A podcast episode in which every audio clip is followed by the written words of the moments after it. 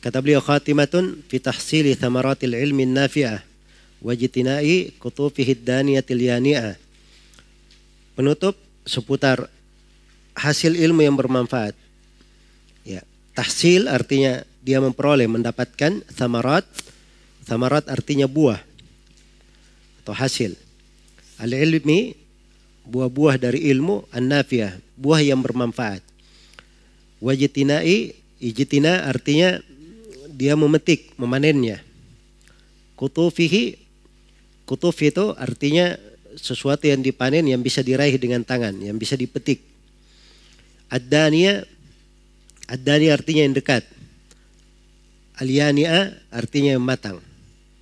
Ya, jadi ini satu fasal beliau ingin menjelaskan kapan seorang itu mendapatkan pengaruh bermanfaat dari ilmu. Dan kapan dia bisa memetik buah dari ilmu itu dengan tangannya, matan langsung jadi dia petik. Ya. Maka ini fasal yang uh, penting dan ini akhir dari pembahasan penulis di dalam buku ini. Ya, beliau ingin menjelaskan bahwa ilmu itu ada buah dan pengaruhnya. Ada buah dan pengaruhnya. Dan ilmu itu ada ciri-ciri bahwa seorang itu sudah meraih manfaat dari ilmu. Dia sudah memetik dari ilmu tersebut. Iya. Maka penulis di sini ingin memberikan, ingin menjelaskan beberapa pengaruh daripada ilmu tersebut dan beberapa buah daripada seorang yang telah mempelajari ilmu. Dan beliau tutup dengan wasiat-wasiat dan pesan-pesan yang sangat mendalam sekali ya patut untuk kita cermati. Baik. Kata beliau rahimahullahu taala di halaman 86 bait syair yang ke-204. Hasilul ilmi ma umlis sifati lahu fa asgi sam'aka wastansit ila kalimi. Iya. Ini pembahasan yang pertama, hasilul ilm bisifat. Orang yang mendapatkan ilmu itu adalah dengan beberapa sifat. Jadi ingin beliau jelaskan bahwa orang yang memperoleh ilmu, dia sudah memegang ilmu, itu dia punya sifat-sifat. Punya sifat-sifat.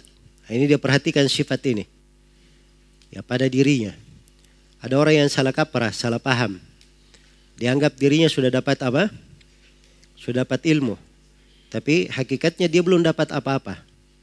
Iya, dia belum dapat apa-apa. Maka seorang itu dapat ilmu, apa cirinya? Dia sudah peroleh dari ilmu, ilmu itu berpengaruh padanya. Nah, ini ada cirinya. Karena itu hasilul ilm, orang yang telah memperoleh ilmu itu ma'um sifatilahu. Adalah orang yang sifat-sifatnya akan saya terangkan. Apa yang akan saya imla, saya tulis di sini. Fasgi sam'aka, maka pasang pendengaranmu baik-baik. Pasang pendengaranmu baik-baik wastansit ila kalimi dan dengarkanlah dari ucapan-ucapanku. Iya. Diamlah mendengar ucapan-ucapanku. Maksudnya ya renungi dengan seksama apa yang saya akan dengar, apa yang saya akan sampaikan. Iya. Tapi sebelum beliau menjelaskan sifat-sifat itu, beliau terangkan dulu bahwa orang yang memperoleh ilmu itu Ya, bukanlah dengan sifat-sifat yang disangka oleh sebagian orang. Bukan sekedar hafalan. Ya. Hasilul ilm laysa mujarrada al-hifz wa surah al-jaddaba wa qalu na'am aw la aw mahall al-asfar wa syahadat. Orang yang mendapatkan ilmu bukan sekadar hafalan, memenuhi lembaran, tampil terdepan, penampilan mempesona, ucapan iya atau tidak, bukan pula tempat-tempat yang telah dikunjungi ya atau lembaran-lembaran pengakuan. Ya. Bukan tempat apa namanya alasfar, bukan tempat untuk uh, alasfar di sini bukan dikunjungi ya, maksudnya eh, tempat-tempat uh, yang dia bukan sebagai tempat hanya menampung saja, hanya di sebagai tempat untuk uh, memikul hal-hal yang berat. Ya, bukan seperti itu ilmu. Nah, karena itu beliau ingatkan, kata beliau wadaka hasilul ilmi itu orang mendapat ilmu la hifdzukal futya bi ahrufiha. Bukan kamu hafal fatwa dengan huruf-hurufnya. Iya. Bukan kamu hafal fatwa dengan apa? huruf-hurufnya. Ada orang yang masya Allah punya hafalan ya, dia bisa hafal semua ya. Iya. Tapi tidak ada pemahamannya, dia tidak punya paham. Dia tidak punya pemahaman. Dia cuma punya hafalan saja. Iya. Dia punya hafalan, tidak paham. Dan itu tidak cukup. Ya. Kalau ada fatwa dari seorang guru, dia hafal fatwa itu dengan hurufnya. Dia fatwa, dia hafal dengan hurufnya. Itu bukan ilmu. Iya. Itu cuma pengetahuan saja namanya. Sebab kalau fatwa itu belum tentu dia bisa pakai di tempat lain. Ya, karena seorang mufti, seorang guru kadang dia memberi fatwa di kondisi tertentu, ada keadaan tertentu, belum tentu cocok diterapkan di tempat yang lain. Iya. Belum tentu cocok diterapkan di tempat yang lainnya. Karena itu seorang harus hati-hati terkait dengan masalah apa? Fatwa-fatwa. Iya. Jadi ada penerjemahan dari fatwa-fatwa para ulama kita. Kadang si Ali memberi fatwa di sesuatu tertentu, orang ini dia arahkan ke sesuatu tertentu pula. Jadi ilmu itu bukan kamu sekedar menghafal fatwa dengan huruf-hurufnya. Tidak seperti itu dari ilmu. Harus ada pemahaman. Wala taswidika al-awraqa bil humami. Dan ilmu itu bukan kamu menghitamkan kertas-kertas dengan arang-arang. Iya. Jadi maksudnya ilmu itu bukan sekadar kamu menulis saja. Iya. Kamu punya kertas, kamu tulis, lalu kamu tidak paham apa yang kamu tulis. Iya. Jadi katakan dia sudah punya ilmu karena banyak sekali tulisannya. Sudah banyak yang dia miliki. Itu belum tentu dia memiliki ilmu. Jelas ya? Wala tasadduru sadril jam'i muhtabian. Iya. Bukan pula ilmu itu tasaddur sadril jam'i, dia berada di depan di depannya perkumpulan muhtabian dalam keadaan dia berihtiba. Ihtiba itu dia posisikan kedua lututnya kemudian dia pegang pakai tangannya begini. Jadi lututnya dia peluk. Atau boleh juga dia mengambil kain, kedua lututnya tidak dipeluk tapi dia ikat pakai kain, dia bersandar, ihtiba. Nah, ini bahasa ihtiba itu gaya duduknya orang Arab kalau dia serius mengajar. Ya, jadi kalau dia duduk mengajar begitu, dia ihtiba, itu artinya dia sudah serius. Mengajar mau konsen mengajar. Ya. Jelas ya? Jadi bukan fatwa itu, bukan ilmu itu hasilul ilm. Oh ini orang sudah bisa duduk di depan banyak manusia. Iya. Duduk di depan banyak manusia. Tumlihi lam tafqahil ma'niyya bil kalimi. Yang di mana kamu apa namanya memberikan imla ya menuliskan ilmu seakan-akan dia sudah mengimla kepada orang memberi ilmu tetapi dia sendiri lam tafqahil ma'niyah. Tidak memahami makna. Apa ucapan itu? Mana ucapan? Itu bukan apa namanya? Bukan hasilul ilm seperti itu. Iya. Ya jangan tertipu dengan orang, oh ini orang banyak yang hadir. Iya. Ini orang kalau berbicara, orang senang mendengarnya. Ya. Itu bukan, belum tentu itu adalah ciri apa? Ciri ilmu. Sebab manusia kalau dihitung manusia itu pada kehendaknya, keinginannya itu tidak ada yang apa? Tidak ada yang bisa mengikuti keinginan mereka kecuali apa yang mencocoki syahwat mereka. Karena itu Hudzaifah bin Yaman radhiyallahu taala anhu atau saya lupa dari Salman Al-Farisi atau siapa dari sahabat pernah dibuatkan majelis untuk beliau, ya, dibuatkan majelis untuk beliau duduk di masjid yang hadir banyak sekali, yang hadir. Begitu beliau duduk, maka dibukalah tafsir surah Yusuf. Beliau mulai menafsirkan. Ya, maka orang-orang pergi satu-satu. Sampai sedikit yang duduk di majelis. Sedikit yang duduk di apa? Di majelis. Jadi mereka anggap bahwa duduknya sahabat ini menafsirkan Al-Quran dengan tafsir yang sedemikian rupa sesuai dengan apa yang datang dari Nabi Shallallahu Alaihi Wasallam itu tidak mencocoki keadaan mereka. Sebab banyak dari mereka waktu itu ya senangnya tema-tema pembahasan ada kisah-kisahnya, ya ada ceritanya, membuat orang senang mendengar dan sebagainya. Ini sahabat duduk dia menafsirkan ayat subhanallah. Pada kabur, pada lari. Satu-satu. Iya. Nah, ini menunjukkan bagaimana kadar akal manusia itu. Iya. Padahal ini di masa masih di masa sahabat terjadi kejadian yang seperti ini. Karena kalau manusia diikuti keinginannya, maka manusia itu apalagi didominasi oleh syahwatnya, kebiasaannya yang keliru, ya sulit ilmu itu masuk. Karena karena itu seorang penuntut ilmu, ya apabila dia ingin menyampaikan ilmu, dia menempuh etika-etika ilmu. Jangan dia keluar dari etika ilmu. Iya. Jangan sampai seperti sebagian orang agar supaya jangan lari jemaahnya, dia melakukan pelanggaran-pelanggaran syariat. Iya. Melakukan apa? Pelanggaran-pelanggaran syariat. Ya, supaya jemaahnya tidak apa? Tidak lari. Ya, sebagian daya ada yang punya inisiatif, oh kalau ada pengajian dengan ibu-ibu, nggak usah dihijab dulu. Nanti pada lari ibu-ibunya. Ya. Akhirnya duduk ceramah di depan akhwat-akhwat. Hah? Nah, ini bukan jalan yang dibenarkan secara syar'i. Jelas ya?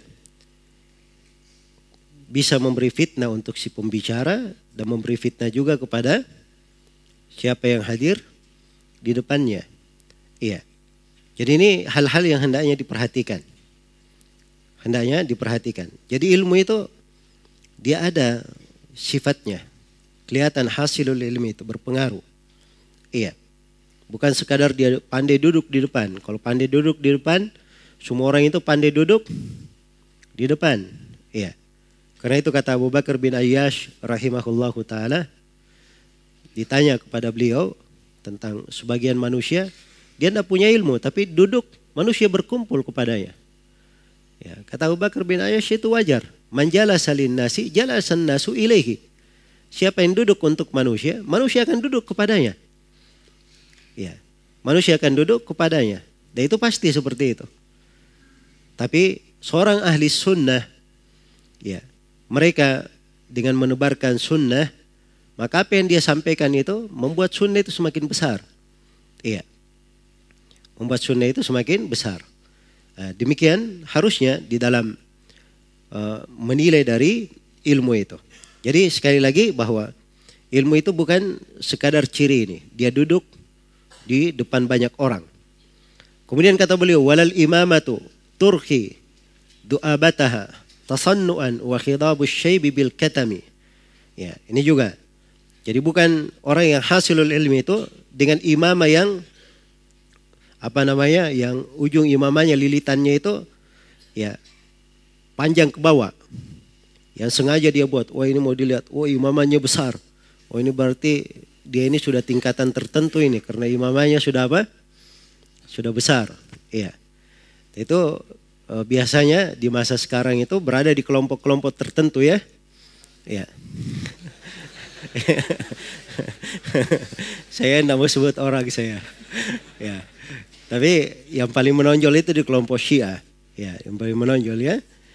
Jadi itu kalau dia sudah pakai imamah hitam apa segala macam, oh ini sudah dia ini si alim ini. Nah, si alim. Jelas ya? Jadi bukan seperti itu ukuran apa? Ukuran ilmu. Bukan dengan imamah. Wala khidabu syaibi bil katmi. Dan bukan pula dia dengan apa? Ada uh, dia punya jenggot atau rambut sudah sudah sudah putih, kemudian dia hilangkan itu dengan katam. Ya, katam ini warna hitam ya. Jadi sudah putih tapi dia semir pakai warna apa? warna hitam. Nah, ini lebih parah lagi dianggap dirinya bagus padahal Nabi melarang ya menyimir dengan warna apa? Warna hitam. Gayru shape. Beliau perintah untuk merubah merubah uh, rambut putih tapi tidak boleh merubah rambut putih dengan warna apa? Warna hitam. Nah, di sini ada dua yang keliru. Yang pertama ada anak-anak muda yang keliru, dan yang kedua ada orang tua yang keliru. Ya. Ya, anak muda ini dia ganti warna rambutnya, tapi dia ganti warna rambutnya bukan karena rambutnya sudah putih, karena model. Nah, ini keliru ya. Boleh merubah warna rambut itu karena apa? Karena sudah memutih, ada yang putih. Nah, itu dirubah nggak ada masalah. Dan yang kedua, itu tadi sudah putih, tapi diganti dengan warna apa? Warna hitam. Ini juga keliru. Baik, jadi harus dipahami ketika ada perintah pembolehan itu arahnya ke mana? Apa sisi yang dibolehkan? Iya. Baik. Kemudian kata beliau wala biqaulika yakni daiban wa na'am kalla wala hamlikal asfara kal bahimi. Ya, bukan pula ucapan kamu selalu kalau ditanya ya, maka dia menjawab na'am atau kalla. Na'am atau tidak? Ya, ini seakan-akan kalau dia sudah hebat kasih fatwa ditanya, oh ya, boleh. Ya, tidak boleh. Iya, tidak, iya, tidak. Kalau sudah bisa bilang seperti itu, seakan-akan dia sudah apa? Dapat ilmu. Nah, itu belum tentu ya. Nah, kata beliau wala hamli kal asfar kal bahimi. Bukan pula ilmu itu kamu membawa membawa apa? Membawa asfar, membawa barang-barang bawaan. Iya. Seperti hewan-hewan ternak. Iya. Seperti keledai itu dia membawa buku-buku berat di atasnya. Ya. Tapi namanya keledai-keledai. Dia tidak paham apa nama buku yang dia bawa itu. Cuma dia bawa saja ke mana-mana. Ya. Ya. Seperti sebagian orang ke mana-mana dibawa kitab. Ya. Jadi mau kelihatan saja, wah ini Masya Allah ini ke mana-mana bawa kitab. Jago ini baca kitab. Suruh baca, tidak tahu dia baca. ya. Yang penting model saja. Jelas ya? Nah, itu belum tentu hasilul ilm seperti itu. Baik. Karena itu dikatakan dalam Al-Quran, Mathalul ladina hummilut tawrata, thumma lam yahmiluha, kamathalil himari, yahmilu asfara. Perumpamaan orang-orang yang diberikan padanya Taurat, kemudian dia tidak menyandangnya dengan benar, karena dia tidak mengamalkannya, apa yang dia ketahui itu seperti himar, seperti keledai membawa buku-buku besar di atasnya. Iya, bawaan-bawaan berat. Iya, seperti itu dibahasakan subhanallah di dalam Al-Quranul Karim. Jadi ilmu tidak seperti itu. Kemudian kata beliau, wala bihamli syahadatin mubahrajatin bisukhrufil qawli min nasrin wa muntazimi. Ya, bukan pula dengan membawa syahada-syahada. Dia membawa ijazah-ijazah yang mubah raja. Ya, dia membawa ijazah seakan-akan ijazahnya ini sudah apa namanya sangat hebat sekali sudah ya dihiasi dengan keindahan ucapan berupa syair maupun apa berupa ucapan biasa ataupun dengan syair. Jadi ijazah itu ada tulisannya. Tulisan yang indah bahwa ini si fulan sudah begini, sudah begini dalam bentuk tulisan biasa ataupun syair. Jadi ilmu itu bukan dengan syahada. Apalagi di masa sekarang ya. Ya, dengan bahasa sekarang ilmu itu bukan sekadar dengan titel saja. Dia punya titel, punya gelar, punya ini. Ya itu tidak cukup di dalam ilmu. Apalagi banyak manusia di masa sekarang ini bergampangan. Bergampangan di dalam hal tersebut. Dan ini dari musibah di masa sekarang. Iya. Kemudian juga harus dilihat ilmu agama ini bidang tertentu. Iya, dia berbagai bidang. Dan titel-titel ini itu kan di berbagai bidang. Dia ber, berbicara di bidang apa? Iya. Kalau misalnya dia bidangnya doktor di bidang bahasa Arab, terus masuk berbicara tentang akidah dan fikih, nah ini belum tentu benar ucapannya sebab dia keahliannya bukan di situ. Kalau memang benar-benar ahli di ilmu bahasa, iya, dia keahliannya bukan di situ. Sebagaimana kalau dia punya keahlian misalnya di bidang ilmu usul fikih, belum tentu dia bisa benar di dalam ilmu apa? Ilmu fikihnya sendiri. Ya, sebab ini bidang itu juga bidang. Iya. Baik. Apalagi kalau dari luar bidangnya. Ya. Ahli peternakan berbicara tentang apa? Ilmu mustalah hadith misalnya. Ya. Ini jauh ininya. Jauh panggang daripada api. Ya. Tidak ada hubungannya. Ya, padahal kalau bidang-bidang ilmu itu ada yang masuk ke bidang ilmunya, wah tidak senang. Ya, tidak ridho ya mereka masuk. Dokter misalnya kalau ada yang apa namanya bicara bukan di bidangnya marah dokternya. Ya apalagi bidang-bidang yang sulit ya yang rumit. Misalnya seperti dokter ahli bedah. Ya dokter ahli bedah. Ada orang yang biasanya dia membedah mobil, membedah motor, ya. Kerjanya memang di teknik, ya bidangnya. Tapi subhanallah dia kasih resep bedah tulang, ya. Maka ini tentunya orang nggak sudah paham bahwa ini apa namanya bukan di ahlinya. Tapi bersamaan dengan itu masuk di bidang agama semuanya mau menjadi bidang apa? Bisa berbicara bidang agama. Bicara sembarangan. Iya. Jadi beliau ingatkan bahwa ilmu itu tidak seperti itu. Ilmu tidak seperti itu. Jadi kalau begitu bagaimana ilmu itu? Orang yang dikatakan hasilul ilm. Nah, beliau terangkan di sini tiga sifat dari hasilul ilm. Tiga sifat dari orang yang mengenal ilmu. Kata beliau bal khasyatullahi fi sirrin wa fi alanin fa'lam hiyal ilmu kullal ilmi faltazimi. Ini yang pertama. Khasyatillah yang pertama dari sifat orang yang hasilul ilm, dia itu takut kepada Allah Subhanahu wa taala. Bal khasyatullah. Orang yang hasilul ilm, dia punya sifat apa? Takut kepada Allah. Fi sirrin dalam rahasia, wa fi alanin maupun dalam terang-terangan. Iya. Fa'lam hiyal ilmu kullal ilmi faltazimi. Ketahuilah itulah ilmu dengan sebenar-benar ilmu. Maka iltizamlah kamu dengan itu komitmen kamu dengan hal tersebut. Jadi kalau ilmunya itu membawa kepada khasyah, kepada rasa takut, ah, ini menunjukkan bahwa ilmunya apa? Bermanfaat. Ilmu itu berpengaruh. Ilmu itu berpengaruh. Iya. Karena di dalam Al-Quran memang dikatakan innama min ibadihi al-ulama.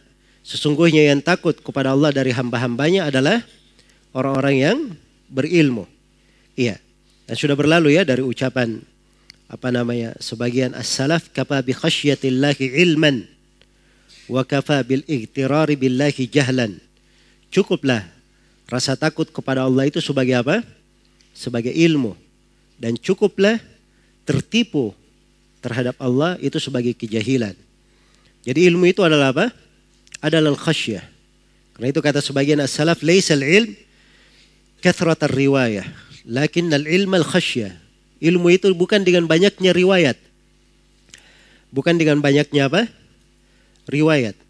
Tapi ilmu itu adalah al-khasyah, rasa takut. Kelihatan dari rasa takutnya. Iya. Nah, ini harus dipahami. Jadi tidak mesti seorang itu dikatakan dia punya ilmu, dia harus punya tulisan banyak, karya tulis dan sebagainya. Belum tentu. Orang yang bisa menulis itu, dia punya apa? dikatakan punya ilmu. Apalagi di masa sekarang ini. Ya menulis itu gampang sekali.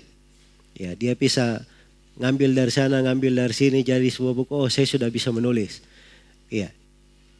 Kalau dibaca oleh seorang alim, alim bisa tahu ini hanya orang-orang yang apa namanya pemula yang mengumpulnya dan si alim tahu ini si jahil yang mengumpulkannya.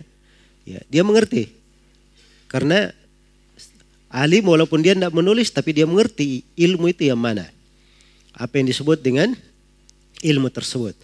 Jadi ilmu itu adalah khasyah, rasa takut. Iya, rasa takut.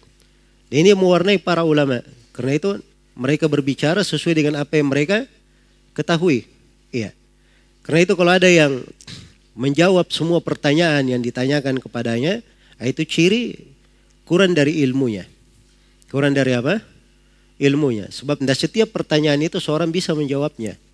Ada hal-hal seorang alim mana pun, bagaimanapun ilmunya, ada pertanyaan yang kadang pertanyaan tersebut bukan dari bidang dia untuk menjawabnya, atau bukan dari kedudukan dia untuk menjawabnya. Dia tahu mungkin menjawab, bisa menjawab, tapi dari sisi konsekuensi ilmu dia tidak boleh menjawab. Iya. Dan itu ada aturan-aturannya dalam ilmu. Karena itu ilmu adalah al-khasyah. Rasa takut. Iya. Kelihatan pada ilmu tersebut. Baik. Dan ini kalau terlihat pada seorang penuntut ilmu, dia sudah mulai belajar. Ketika dia belajar, dia semakin takut. Iya. Dan sembarang berbicara, itu menunjukkan bahwa ilmunya apa?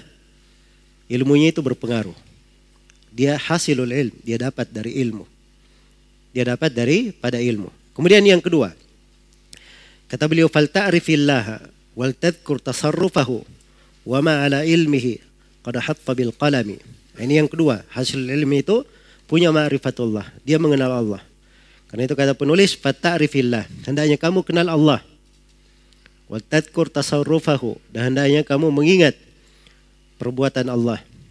Wa ma ala ilmihi qad hatta bil qalami. Iya. Dan mana segala sesuatu itu di atas ilmunya telah ditulis dengan pena. Maksudnya semuanya sudah ditakdirkan. Ya, maksud dari penulis di sini dari hasilul ilm dia itu mengenal Allah Subhanahu wa taala, mengimani akan ketentuan dan takdir Allah Subhanahu wa taala. Iya. Karena itu menunjukkan pengaruh dari ilmu. Semakin seorang itu mengenal dari akidah yang benar, maka itu menunjukkan bahwa dia punya apa? Punya ilmu. Sebab dasarnya di pembahasan akidah, di situ dia mengenal Allah. Iya. Semakin dia punya ilmu tentang nama-nama dan sifat-sifat Allah, maka ini menunjukkan bahwa dia punya apa? Punya ilmu. Ya, karena dia mengenal Allah Subhanahu wa taala. Maka kapan dia sudah mengenal Allah Subhanahu wa taala, mengenal tasarrufnya, ya, perbuatan Allah Subhanahu wa taala dalam segala bentuknya, dihadirkan dalam kehidupannya, maka ini menunjukkan bahwa dia ini telah mendapatkan ilmu. Telah hasil dari ilmu. Kemudian kata beliau rahimahullah, iya. Wa haqqahu rif wa kum haqqan bimujibihi wa manhajal wa manhajal haqqi fasluk anhu ami. Ya. Kata beliau dan hak Allah hendaknya engkau ketahui. Ya, dan hak Allah hendaknya engkau ketahui. Ya, ini juga dari hasilul ilm dia mengenal hak Allah Subhanahu wa taala. Ya.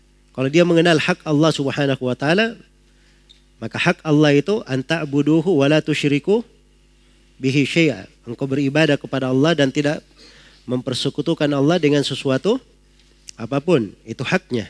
Kalau dia kenal. Maka terdapat di dalamnya keikhlasan, akidah dan keikhlasan. Iya. Karena itu hasilul ilm dia punya ikhlas dan punya akidah yang benar. Akidah yang lurus. Iya. Itu terlihat pada seorang penuntut ilmu. Karena itu kalau seorang penuntut ilmu dari awal dia tumbuh, dia sudah lurus akidahnya, kuat di pembahasan-pembahasan akidah, maka ini penuntut ilmu diharapkan kebaikannya. Sebab itu inti daripada ilmu. Yang membuat ilmu-ilmu yang lainnya itu diberkahi dan mudah untuk dia pahami. Berbeda dengan orang yang dia sibuk saja di cabang-cabang ilmu, kadang di fikih bagus, di hadith bagus, tapi dia tidak perhatikan dengan tidak perhatian dengan ilmu akidah, maka ini pengaruhnya akan kurang. Iya. Nah ini dalam dakwah juga berpengaruh. Ketika seorang dai mengajak manusia kepada ilmu, maka dia ajak manusia kepada apa? kepada akhlak yang kepada akidah yang benar. Iya, kepada akidah yang benar. Dan dia masukkan di setiap pembahasan tema kajian apa saja, ya ujungnya itu kembali mengikat seorang hamba itu kepada Allah Subhanahu wa taala. Dia buat seorang hamba itu hatinya itu murni semuanya hanya milik Allah. Diputus hubungan hati mereka dengan segala sesuatu yang selain daripada Allah Subhanahu wa taala. Ya, maka ini sifat dari ilmu. Memang ketika seorang merasakan manfaat dari ilmu itu, maka dia juga akan pandai mengajar, mengajarkannya kepada manusia sesuai dengan apa yang bermanfaat. Dan itu jalannya para nabi dan para rasul. Ya, karena itu dakwah para nabi dan para rasul itu dimulai dengan apa? Dengan tauhid. Ya, maka wahaqqahu rif. Hak Allah hendaknya kamu kenal. Wakum haqqan bimujibihi. Dan dengan sebenar-benarnya engkau menegakkan kewajiban di dalam hak Allah Subhanahu wa taala. Iya. Dia tegakkan kewajiban di dalam hak Allah Subhanahu wa taala. Dia sempurnakan dalam hal tersebut. Dia ikhlaskan amalannya untuk Allah. Dia beribadah kepada Allah dengan sebenar-benar ibadah. Iya. Kemudian wa manhajal haqqi fasluk anhu ghaira ami. Dan terhadap jalan yang benar hendaknya kamu tempuh tidak buta di dalamnya. Ini ciri orang yang hasilul ilm. Ya. Kalau dia kelihatan dapat ilmu, maka itu jalannya lurus. Jalannya lurus. Jalannya itu selalu berada di atas jalan yang hak, di atas manhaj yang benar. Di atas manhaj yang benar. Iya, tidak buta di jalannya. Berbeda dengan orang yang apa namanya? Kadang dia punya ilmu apa segala macam tapi jalannya sana sini. Ya. Ini tidak kelihatan pengaruh ilmu itu padanya. Sebab kalau ilmunya berpengaruh, ilmu itu mengajak kepada satu jalan saja. Iya, mengarahkan kepada satu jalan. Itulah jalannya para nabi dan para rasul. Karena itu tidak ada di dalam bahasa agama ada dua jalan, tiga jalan, tidak ada. Bahasa-bahasa Al-Quran itu as-sirat. As-sirat itu satu jalan. As-sabil. Sabil itu satu jalan. Tidak ada dibahasakan dua. Ya, yang paling dekatnya kita sering baca di surah Al-Fatihah, ihdina as-sirat al-mustaqim. Tunjuki kami jalan yang lurus. Iya. Maka hasilul ilm orang yang cirinya dia dapatkan ilmu, dia selalu menempuh jalan yang hak, jalan yang benar. Iya. Jelas ya? Baik. Jadi ini tiga ciri seorang mendapatkan ilmu. Khasyatullah, dia takut kepada Allah. Ma'rifatullah, dia kenal Allah. Kemudian dia punya ikhlas dan mutabah. Ya, punya ikhlas, tauhid dan mutabah. Baik.